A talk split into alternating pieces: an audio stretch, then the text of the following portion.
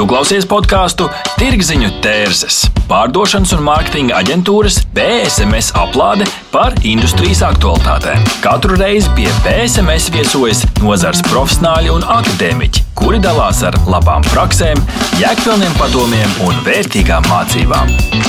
Aiziet! Šodien Tirziņu tērzes studijā Līva Rudzona. Esiet sveicināti 98. epizodē. Šodien runāsim par to, kā top radošums. BSMS studijā Renārs Liepiņš, Enter Creative radošais direktors un radošajā industrijā strādā jau vairāk nekā 15 gadus. Čau! Čau! Varbūt pastāsti, kā un kāpēc tu kļuvi par radošo direktoru, kāds ir tavs stāsts? Šis stāsts uh, droši vien ir stāstāms dažādi un, un, un ar dažādiem laika nogriežņiem, bet šķiet, ka uh, tas radošums manī jau vienmēr ir bijis. Un, un, un, un es tikai varbūt neesmu šo radošumu tā visu laiku centies saskatīt. Es visu laiku esmu mēģinājis nu, īsti nenovērtēt to, ka man tas, tas man ir raksturīgi. Bērnībā ļoti daudz piedalījos dažādos teiksim, runas konkursos un, un, un skolā, dažādos radošos pasākumos, vadīju pasākumus, taisīju pasākumus skolā. Uh, vēlāk rakstīju dzējoļus, piedalījos dažādos ar dzējas rakstīšanu saistītos pasākumos un konkursos.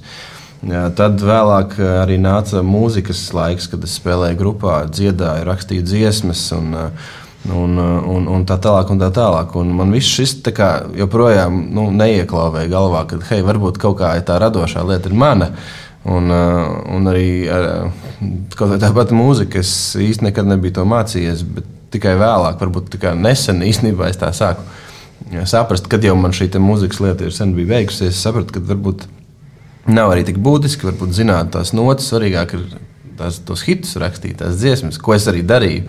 Es tikai nekad nesapratu, ko es tur spēlēju. Es džekiem rādu, re, kur man šī tāds akords un tāds. Es īsti nezinu, ko tas nozīmē. Un tad, Un tā jau tās dziesmas mums radās. Es to nekad nespēju novērtēt, ka tā ir visbūtiskākā lieta. Jā, un, un, un, un tas pats ar, ar, ar visu šo radošo lietu. Nu, it kā kādu brīdi noslēdzās pēc skolas, jo man likās, ka nu, jāsāk kļūt nopietnam, nu, jā, jāmēģina kaut ko kārtīgi mācīties. Tad es iestājos juristos, un, protams, kad es tur nostājos, es tajā tēmā pavadīju apmēram pusgadu, līdz es sapratu, ka nu, ir pilnīgi garām aizšauts un ir jāmēģina kaut ko citu. Un, tas bija tāds interesants dzīves posms, kad eh, es arī nu, pastiprināti sāku domāt un meklēt citas iespējas. Jo bija ļoti tumša un gara zima tajā laikā, un man šķita, ka nu, diez vai no manis kāds jurists iznāks. Un uh, bija tāda iespēja uh, piedalīties konkursā Latvijas Art Directors Club, kas ir LADC. Tā, saucamais, uh, nu, tā ir tāda tā kā tāds hubs vai tāda, sauksim to par organizāciju vai biedrību, kur ir visi Latvijas reklāmas eh, aģentūra pārstāvi, reklāmas zieds tur kopā iet un čupojās, un, un, un tur iet uz tusiņiem, taisa pasākums. Būtībā tā. Un eh, viņiem bija interesants projekts, kad Eriks Stenznieks vēl eh, bija ļoti, ļoti aktīvs tajā visā. Tā bija šķiet, viņa ideja uztaisīt tādu eksperimentu reklāmas skolu cilvēkiem, kur nekad nav reklāmā vispār neko darījuši. Un tur bija liels konkurss. Es iesūtīju savu pieteikumu, un šķiet, ka ļoti, ļoti daudz pieteikumu. Tur bija tur vairāk pat, pat tūkstoši. Esmu dzirdējis tā. Un uh, tad tie desmit uh, pirmie kucēni, kas bijām, viens no tiem arī bija es. Uh, un, un, un starp šiem cilvēkiem ir vēl daži, kas joprojām ir, industrijā aktīvi. Un Rozenbauma, un Reinis Pīzīgs. Uh, Alise, eh, es šķiet, nezinu, kāds viņas jaunais uzvārds. Eh, Alise arī, un viņa šobrīd infogramma viena no dibinātājām. Tas metiens diezgan rezultatīvs izvērtās. Nu jā, un caur to es arī nonācu visās Latvijas reklāmas aģentūrās, ieraudzīju, kāda ir tā vide, kur, kur tas viss top, kā tas top, ko tas nozīmē. Šķita apbrīnojami, fantastiski, super radoši cilvēki, birojos steigās aplēstās džinsenēs var redzēt vis visādus interesantus tēlus, gan oficiālos, gan, gan arī tajos darbos, ko viņi veic. Līdz ar to tas man iedeva pilnīgi citu perspektīvu, un es sapratu, ka es vairs no, no šīs vidas nekad negribu tikt prom. Un tā arī pamazām es tur sevi iesēju. Vai tev bija kāds mentors vai kāds īpašs cilvēks, kas tev atstāja lielāku iespaidu vai kaut kādas ļoti labas atziņas tu ieguvi ceļā? Nu, šķiet, ka uh, es jau sevi varētu saukt par nosacītu jau tādu nu, gandrīz vecā laika reklāmistu. Tie, tie gadi ir diezgan daudz jau pavadīti. Bet tad, kad es sāku, zināmas paudzes jau bija uzaugušas un pavadījušas savu laiku jau šajā nozarē. Un, un viens no tās paudzes spilgtākajiem tēliem joprojām ir ļoti spilgts Eriks Tenzinieks. Es domāju, viņš nevienam vien ir bijis kā tāds ļoti liels iedvesmotājs. Un, Tās dažas reklāmas, kuras es kādreiz redzēju, un es, kuras man tiešām aizķēra, tie paši runājošie akmeņi kā projekts vai visas šīs CSDD reklāmas, kas savā laikā bija. Tikai pēc tam es savilku, ka šis džeks to ir uztaisījis. Tad es sapratu, tur kaut kas ir. Jāpapēta ilgāk, vairāk, un, un tad jau roku rokā tā nonākšana pie LADC, kur viņš pats arī bija. Man liekas, amazing. Cilvēks atnāk vienkārši bez lapiņas stundām, runā par kaut kādām tēmām, visi iedvesmoti, visiem mutes vaļā. Kolosāli. Nu, lūk, un, jā, tas bija tāds, laikam, pirmais tāds lielais iedvesmotājs. Pēc tam, nonākot jau, jau darba, darba vidē, Edgars Skulta ar manu Mēs ar manu draugu Oskaru sākām strādāt DDB, un viņš mūs būtībā ievilka un ielika DDB vidē, kurā mēs ļoti daudz ko ieguvām, iemācījāmies un sapratām to praktisko pusi. Nu, tagad, strādājot un veidojot savu aģentūru kopā ar Lauriju, es no viņa ļoti daudz ko mācos, jo viņam ir šī otra puslode galvā ļoti attīstīta, kur man faktiski neeksistē. Jo tikko sākās stāsts par cipariem, liet, nezinu, lietvedību, grāmatvedību, ekseļiem, eh, projevadību un tā tālāk. Tā tālāk. Tur es tā kā, nu, pilnīgi, pilnīgi infantīls esmu. Un, un savukārt viņš ir tā arī izteicies, ka tad, kad ir kaut kas radošs jāuztais, tad viņam galvā ir tukšums. Tu esi strādājis arī ārzemēs. Kā tu vērtē to pieredzi un salīdzini ar to, kas ir iegūts Latvijā? Kaut kā tā aktivitāte man vienmēr kaut kur atrast kaut kādas jaunas iespējas, nav, nav zudusi. Tad es arī pēc laika strādājot šeit, sapratu, ka es ļoti labprāt izmēģinātu savus spēkus ārzemēs. Es atradu tādu projektu, kurā iestājos un izturēju atkal konkursu. Man tika piedāvāta iespēja gadu pavadīt Amerikā. Es varēju izvēlēties aģentūru vai vienalga vietu, kurā es gribētu to darīt. Protams, es iegūlēju Best Small Agencies. Viena no tām bija tā, uz kuras arī beigās tiku.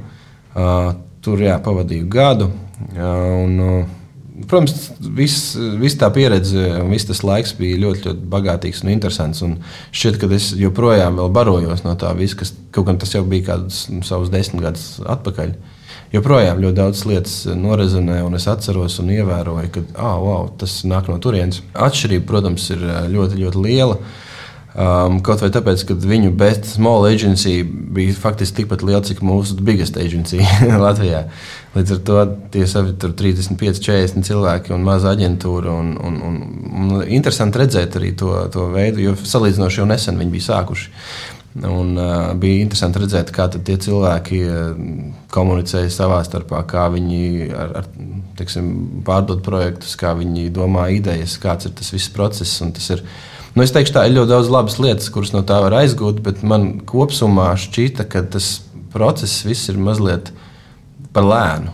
Tāpēc, kad uh, tirgus ir milzīgs, uh, tu strādā ar kādu zīmolu, šim zīmolam tu noteikti esi kaut kāda 16. aģentūra. Uh, 27. departamentam un, un šai aģentūrai un šim klientam ļoti daudz naudas. Viņš var tērēt to naudu. Un, visticamāk, ja tas ir tas mazās aģentūras projekts, tad tur neviens sevišķi neiespringst uz to. Tas nav tur, teiksim, kaut kāds globāls, milzīgs tēla kampaņas jautājums. Līdz ar to tie projekti, pie kuriem mēs strādājām, viņi citreiz vilkās tur pusgadu, varbūt pat, pat ilgāk. Līdz ar to es pastrādāju šo gadu nostrādāju ar trīs zīmoliem - Jägermeisteru, um, Hot Wheels uh, un vienu enerģijas dzērienu. Un, un man šķita, ka tajā laikā, pa šo gadu, teiksim, Latvijas kontekstā, mēs tur būtu uztaisījuši jau kaut kādas 70 projektus. Kas, kāpēc arī man tā vide joprojām, joprojām ļoti interesē, man tas ritms un dinamika ļoti, ļoti svarīgi. Jautājums par to, kā top tavā virtuvē, tavā aģentūrā radošums, kāds ir tas tavs scenārijs vai kaut kādas tās iemītās takas ceļi, kā tu nonāci no kaut kāda brīfa līdz tai idejai. Ha. Jā, man nav droši vien tāda īsta skaidrojuma patiesībā par visiem šiem gadiem. Pat es arī lasīju vienu interviju ar vienu vecu, vecu reklāmistu. Viņam, um, tas jautājums bija tāds un tā atbilde. Respektīvi, tad, jo, jo, ja tu esi salīdzinoši nesen šajā nozarē, tu vari tur stundām stāstīt, kā tur viss jādara un tam līdzīgi. Un tad, kad tu esi ļoti, ļoti ilgi nostrādājis, tev faktiski vairs nav ko pateikt. Nu, tu, nu, nav jēgas, vai, vai tu vairs neredzi, vai nesaproti, vai grūti izskaidrot. Nu, par to, kā to idejas, es īsti nezinu. Man ir kaut kādas savas mehānikas, kā es to daru. Bet pirmais ir noteikti ir līdz galam izprast, kas ir vispār kas ir vajadzība, kas ir projekts, kas, kas ir produkts, kas ir auditorija, kas ir, kāds ir budžets. Visu iespējamo, cik vien tu spēj uzsūkt, absorbēt un, un, un, un iemācīties par šo konkrēto keisu vai gadījumu. Tas arī tas, kas ir jāizdara. Un tad jau var izdarīt tās, tās, tās kaut kādas nu, šāvienas tumsā, teiksim, tā, un mēģināt taustīties kaut kur. Bet tāda, tāda viena, vienas formulas noteikti es pat nevaru iedomāties. Man, manuprāt, tāda nav. Nav tāda viena. Nu, viens no variantiem, ko var darīt, ir piemēram par šo konkrēto lietu, vai projektu, vai, vai situāciju rakstīt, cik daudz sinonīmus tu vienkārši spēj saģenerēt. Vienkārši raksta, raksta, raksta, raksta, raksta, raksta kamēr tev beidzās domas, un pie kaut kādas tu apstājies, kaut kas tev norazonē, tu sāc par to vienu atkal darīt to pašu, un atkal, un atkal līdz kamēr tev nu, atrodas tavā galvas, galvā ļoti daudz šūplādītas, kurš tur vīrina visu laiku vaļā skaties, ņem ārā kaut kādas grāmatiņas, kartiņas, kaut kādas atmiņas asociācijas. Kā, kaut kā tā. Tas ir viens no veidiem, kā to darīt. Es esmu to darījis. Bet šķiet, ka tagad tas prāts jau tik ļoti ietrenēts ir un, un, un ieeļots, ka tur ir tas teiciens, ka hei, pirmās idejas ir pilnīgi nu, sūdi. Ja? Manā gadījumā vairs es tam tā īsti nepiekrītu. Tāpēc, es šķiet jau zemapziņā esmu atmetis tos. tos galīgos drāņus. Pirmais slānis ir noņēmies. es jau to esmu noņēmis, un es jau eju jau tālāk dziļumā, jau uzreiz. Vai tu skaties, um, vai tev ir svarīgi arī redzēt uh, to kontekstu, kas ir bijis iepriekš, vai tas var kaut kādā ziņā traucēt, varbūt radīt kaut kādu jaunu virzienu, un vai tu skaties arī apkārt, nu, teiksim, kaut kādas ārzemju, varbūt tur kaut kas varētu būt adaptējams? Iedvesmojos, es, jā, nu, es uzskatu, ka tas ir vērtīgi um, to darīt. Ir daudz, kas saka, ka viņi neskatās reklāmas un, un, un izvairās no tām. Ir tāds posms arī manā dzīvē, laika pa laikam, kad es varbūt pat neapzinoties, vienkārši nu, nesaskaros nu, tā apzināti. Bet tad atkal uh, pienāk kāds brīdis, kad es saprotu, ka man rīktīgi gribētos kaut kādu jaunu, ja, ja, jaunu update sevī. Nu, kas, kas notiek jauns, kas tagad ir tendēts? Protams, mēs visi skatāmies, kas notiek ārzemēs. Es mazliet papētu. Uh, Uh, un, un iedod kaut kādu sev jaunu, nezinu, iedvesmas kaut kādu kravu, uh, kas varbūt ne uzreiz, bet iespējams ilgtermiņā atkal kaut kādu rezultātu iedod. Bet kas attiecās uz to, vai, piemēram, ir konkrēts projekts ar zīmolu, ar kuru iepriekš varbūt neesmu strādājis, vai, vai es teiksim, pētītu to, ko viņi darījuši iepriekš, noteikti. Jā. Bet, bet, jā. Un, un kāpēc? Vienkārši, lai saprastu to, to nu, protams, ka ir visas tādas lietas, lai strādātu ar to pašu zīmolu, man ir jāapzinās, nu, kā, kas ir. Eh, man šķiet, ka tas tāpat kā ārstam. Viņam ir kaut kāda slimības vēsture jāzina nedaudz. Es tā teiktu, ka tas ir vērtīgi, ka tu apmēram jau apzinājies, kurš šis zīmols ir gājis, ko viņš ir mēģinājis darīt līdz šim. Un, ja jau viņš pie tevis atnāca, tad varbūt kaut kas no tā, kas ir bijis iepriekš, ne līdz galam strādājis, bet varbūt jau virziens ir pareizs. Tur būtībā dažreiz ir kaut kādas nianses jāpielabo un viss, viss aiziet pareizi. Un tajā procesā kā, tu iesaisti arī to klientu, vai tu ej ar tādām gatavām idejām, un tad tā kā, tāds pārsteigums vai gaidi, kāda tā reakcija būs? Ir dažādi. Um, kopš tagad, kā jau minēju, mēs ar Lauru ļoti daudz cieši, cieši strādājam kopā. Viņam ir ļoti spēcīga tā pārdošanas un projevadības puse, un tikai tagad, veidojot savu aģentūru, esmu sācis tā pa īstam novērtēt, kāda no tā ir jēga. Un, uh, un ir tā, jo vairāk tu klientu iesaisti un, un, un mēģina izprast un komunicēt. Un būtībā iebraukt klienta galvā un vēlmēs, jo, jo īstenībā tas rezultāts patiesībā ir labāks. Jo tas nav tā, ka tu tā noslēdzies divas nedēļas, trīs nedēļas klusumā, neatbildi zēpstiem, tad tu atnāc ar, ar pāris idejām un, un, un ceri, ka uh, tur viss uzreiz noklikšķēs. Ir arī tādi gadījumi, protams. Bet uh, man liekas, tas ir krietni vērtīgāk, ka mēs varam kopā strādāt, uh, apmēram jau procesā saprast, kur mēs stūrējam, un, uh, un, un tad jau tas kuģis uh, slīd labāk.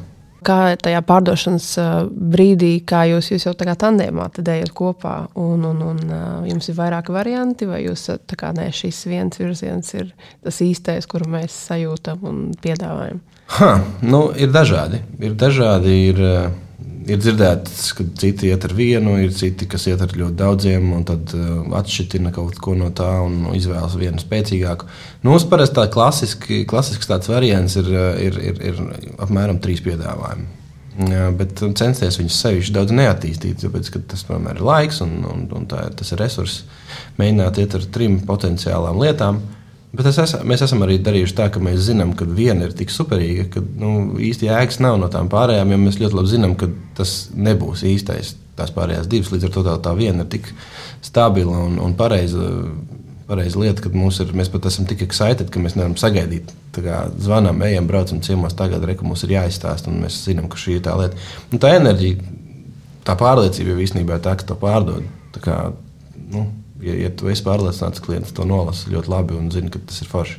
Kā jums ir klienti pēc pieredzes novērtē vairāk to tādu domāšanu ārpus rāmjiem, vai kaut kādu svaigu ideju, vai tomēr to praktisko pieskaņu, ka tas tur teiksim, saskana ar zīmolu ļoti labi, ka tas tur teiksim, budžeta ziņā ir izdevīgi un tā tālāk. Kā, kāda ir to, tas balans starp to tādu rīktīgi labu jaunu ideju un starp to, ka tas tomēr bija kaut kas piezemētāks, praktiskāks un tuvāks?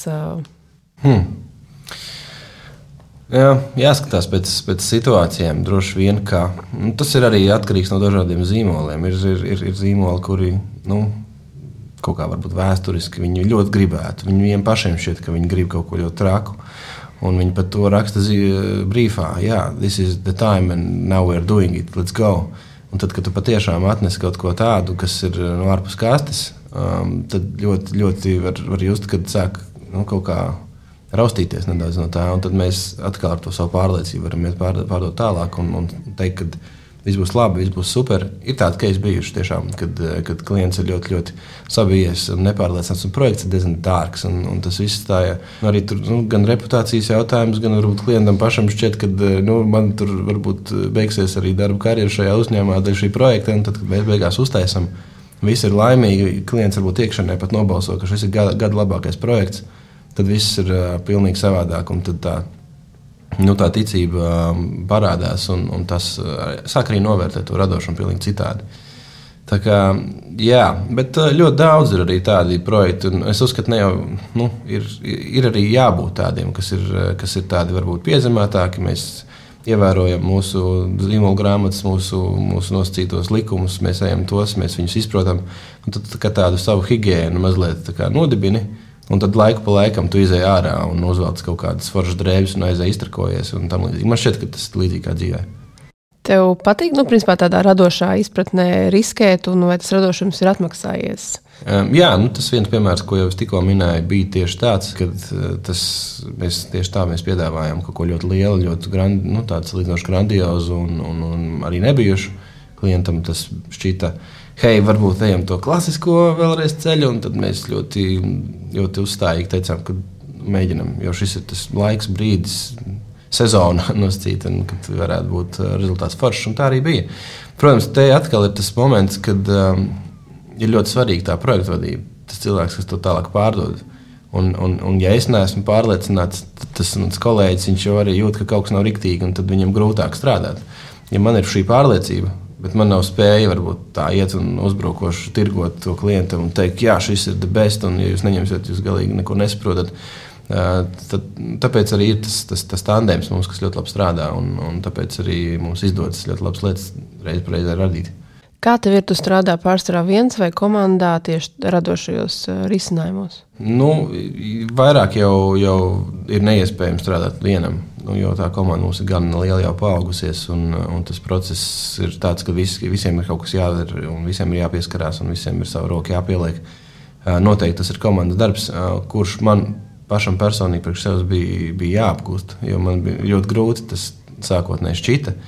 Jo nu, tas nāk no kaut kādas tādas jocīgas vietas, kad es varbūt. Nu, Iespējams, tur kaut kāda nepārliecība par sevi radošajā tēmā.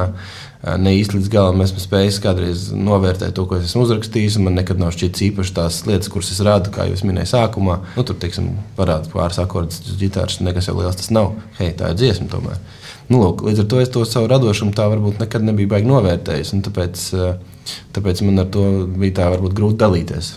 Bet tagad tā tēma un tas, tas viss ir mainījies. Un, Un tagad man ir esmu atradzis to, to prieku un, un, un fanu strādāt komandā, un, un pat, pat neredzu savādāk. Nu jā, tur arī tava projekta vadība tomēr ir un kāda līderība. Noteikti vajadzīga un attīstīta. Kā jums ir ar tādu iedvesmas gūšanu? Ir kaut kādas, nezinu, aktivitātes, vai kur tu smēlies iedvesmu, vai kur padalies ar komandu? Es teiktu tā, ka, nu, principā tā, lai strādātu reklāmā, manuprāt, Un tas man šķiet, es ar savu vienu no iepriekšējiem kolēģiem. Es biju dzirdējis tādu frāzi no Andra Rubīna.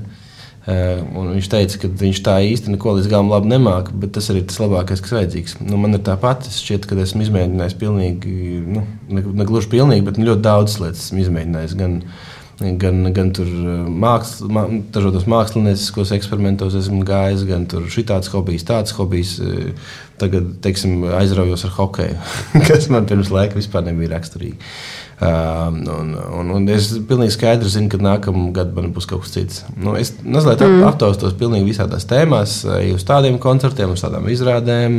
Gan negribas iet ciemos vai uz kādu tusiņu, nu, labāk tomēr aiziešu. Varbūt tur kaut kas ir, kaut, kaut kas manā ja, sistēmā apdeitosies. Līdz ar to es uzskatu, ka, ja tu gribi strādāt reklāmā un tieši radošajā sfērā, ir vērtīgi tev apmuļļāties pilnīgi visur.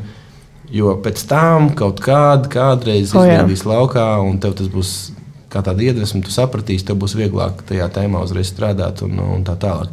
Līdz ar to nu, tā iedvesma vienkārši, es nezinu, vai viņi tā brutāli iedvesmojos, teiksim, ejot uz kādu pasākumu vai, vai spēlējot to hokeju, ko, ko es tagad minu, bet uh, vienkārši tas man iedos to spēju atrast kaut kādu foršu, vērtīgu lietu vēlāk pēc tam. Jā, vai arī, piemēram, tu zināsi, ko tas nozīmē, un ja tev vajadzēs tādu scenāriju izspēlēt filmēšanā, tad tu uz sevis izjūti, kā būt hokeistam vai mūziķim, vai tur skatos, vai nu, jebkurā citā situācijā.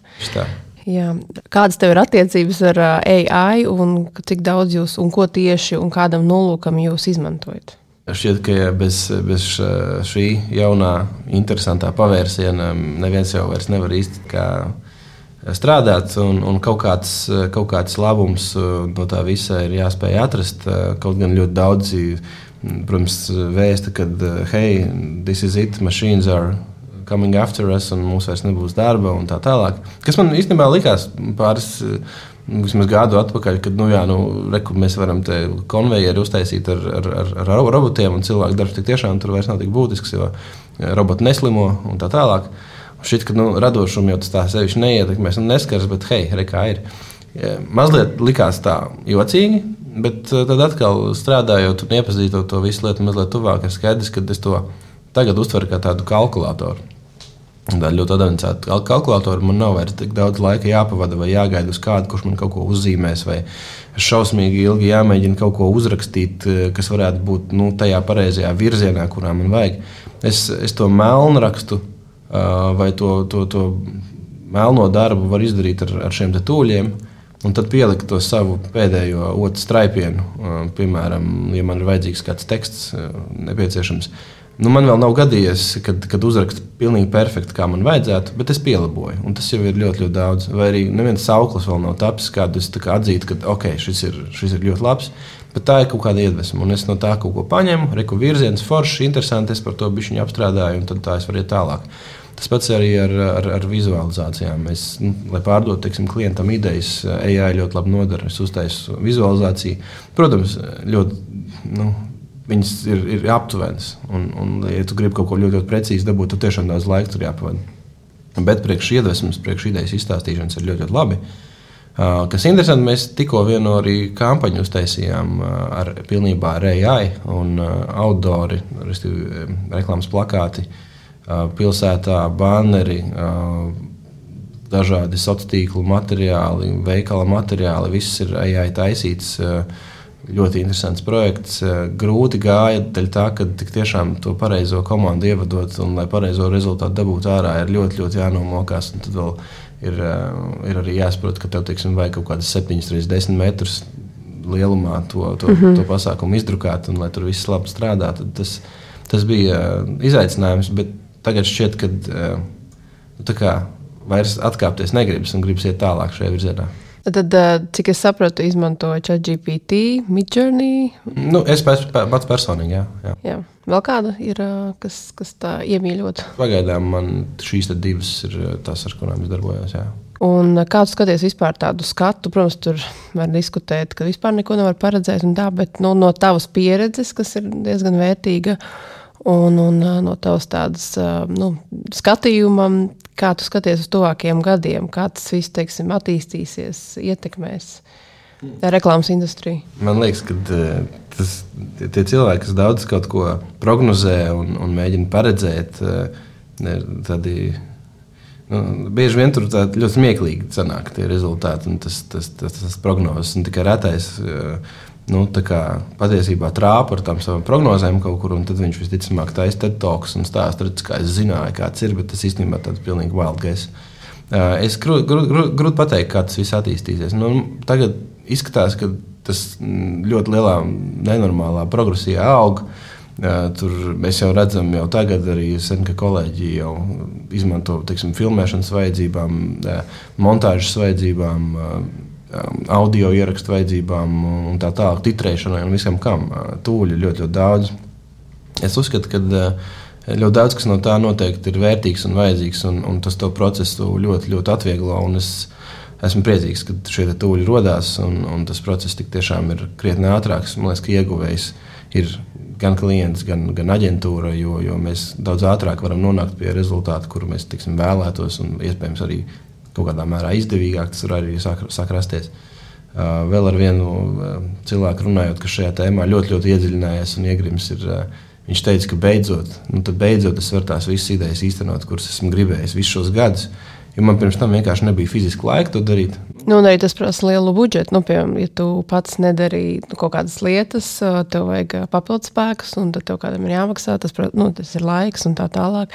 Bet jā, šādiem tūļiem tu vari būt uh, viens un radīt nezinu, filmu viens pats. Piemēram. Jā, tieši tā, tieši tā. Līdz ar to tas, tas ir tas, kad, kad viens cilvēks var ļoti daudzas lietas noklāt, sāk kļūt universālāks un, un, un, un, un tā tālāk. Bet tu, nu, tas gala secinājums jau tāpat paliek tas, ka bez tā cilvēka tomēr laikam nekas jau arī nebūs. Līdz ar to tai, tai, tai iniciācijai no kaut kurienes ir jānāk. Jo šķiet, ka tas tūlis pats to savu iniciāciju neveiks. Viņam ir jāuzdod jautājums. Prompt, tas jautājums, jā. jautājums nāk no kā no cilvēka.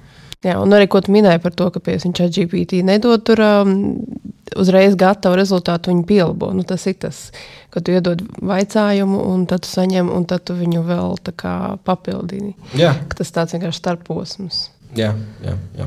Nobeigumā, ko tu novēlētu tiem, kas varbūt tikai tagad sāk, kas domā, mm, ar ko sevi papildināt un kā ieiet tajā radošajā sfērā? Kāds varētu būt tev tādi ceļa vārdi tiem, kas grib, kuriem ir interese sākt? Mm -hmm.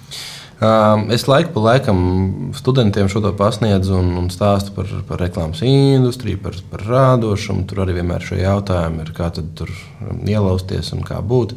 Tad, kad mēs sākām pavisam sen jau, tas vēl liekas, šeit bija kaut kāds knapi vēl YouTube tikai bija radīts. Man liekas, tas sāka kaut kādā 2007. vai 2008. gadā. Es tā domāju, ka jā. jā. Līdz ar to tas, tas bija diezgan pasen. Man šķiet, tas bija tas laiks, kad es vēl bija pilnīgi skaidrs, ka esmu redzējis visus video YouTube, kuriem ir vismaz miljons skatījumu. Nu, reāli tas bija tieši tik uh, sen. Jā. Es varu iebilst, eh, neiebilst, bet uh, paturpināt uh, klausītājiem, ka mēs īstenībā sākām kopā. Nu, strādāt vienā uzņēmumā un pāris gadus strādājām kopā. Jā. Tas tāds. Mums uh, viens, ceļš, viens ceļa sākums, bet aizgāja katram savu pusi. Un bija nu, tiešām ļoti liekas, fani ar tevi strādāt. Un vienmēr bija tāds ar humoru, ar, ar foršām idejām jau, jau tad. Tā kā super. Bet jā, turpināt. Turpinot ar to, ka. Nu, redz, kā jau saku, kad YouTube tad vēl tur nebija īsti attīstīts un vispār sociālā tīkla tikai sāka tā kārtīgi, kārtīgi augt. Un, un tās iespējas sevi parādīt, Tad tikai tā pa īstam sākās no tā viedokļa. Ņemot. Līdz ar to pirms tam es, es grūti iztēloties, kā cilvēki sevi pārdeva. Droši vien staigāja ar milzīgiem portfeļiem, kas pilni ar bildītēm un gāja uz aģentūrām, klauvēja, kur es to esmu uztaisījis. Tas varēja būt tas veids. Um, tas, kā tagad, uh, manuprāt, to izdarīt, ir, ir krietni vienkāršāk. Uztaisīja super uh, smieklīgu Instagram kontu ar kaut ko, kas, nu, nezinu, klusais centrs divi no sērijas. Tas jau viss ir. Hei, nāc, aprunāsimies, tu to vadi, tu tur raksti, tu esi super asprātīgs. Tas nozīmē, ka tev ir kaut kāda fiša, ka tev var kaut ko darīt. Es nezinu, uzsāc kaut kādu YouTube kanālu. Um, Twitterī uztaisīt kaut kādu ļoti īpatnēju fake akkontu, bet kas ir ar asprātībām balstīts kaut, kāds, nu, kaut kas. TikTokā tu vari ļoti daudz ko izdarīt, izpausties. Tur ir super, vesela, vesela pasaule tur rodas. Līdz ar to sevi, savu zīmolu veidot pašam priekš sevis ir, ir krietni vienkāršāk nekā šķiet, ka tas bija kādreiz. Tajā pašā laikā, protams, arī grūti, jo to var izdarīt jebkurš. Piesātinājums ir. Jā, piesātinājums ir liels, bet tad atkal tikai tie labie iz, iziet, nu, kā, nu, kā izpeld, izpeld uh, krastā. Līdz ar to ir vērts mēģināt. Tāpēc to es arī saku jauniešiem. Jums rokās ir telefons. Uh, tas ir nu, mega, mega ierocis un mega iespēja pilna, pilna ierīce. Ar to var daudz ko izdarīt. Un, uh, un tikai jāmēģina. Galvenais ir atrast to iedvesmu, ticību, pārliecību. Paldies, tev liels! Beigsimies studijā bija Renārs Liepiņš, Enter Creative radošais direktors. Paldies tev! Čau! Paldies, ka klausījāties BSMS podkāstu Tirziņu tērses. Aplāde ar labām praktiskām, jēgpilniem padomiem un vērtīgām mācībām. Patika epizode? Dalies sociālajos medijos. Ir idejas tēmām vai viesiem? Raksti mums! Tās bija Tirziņu tērses. Līdz nākamajai epizodei!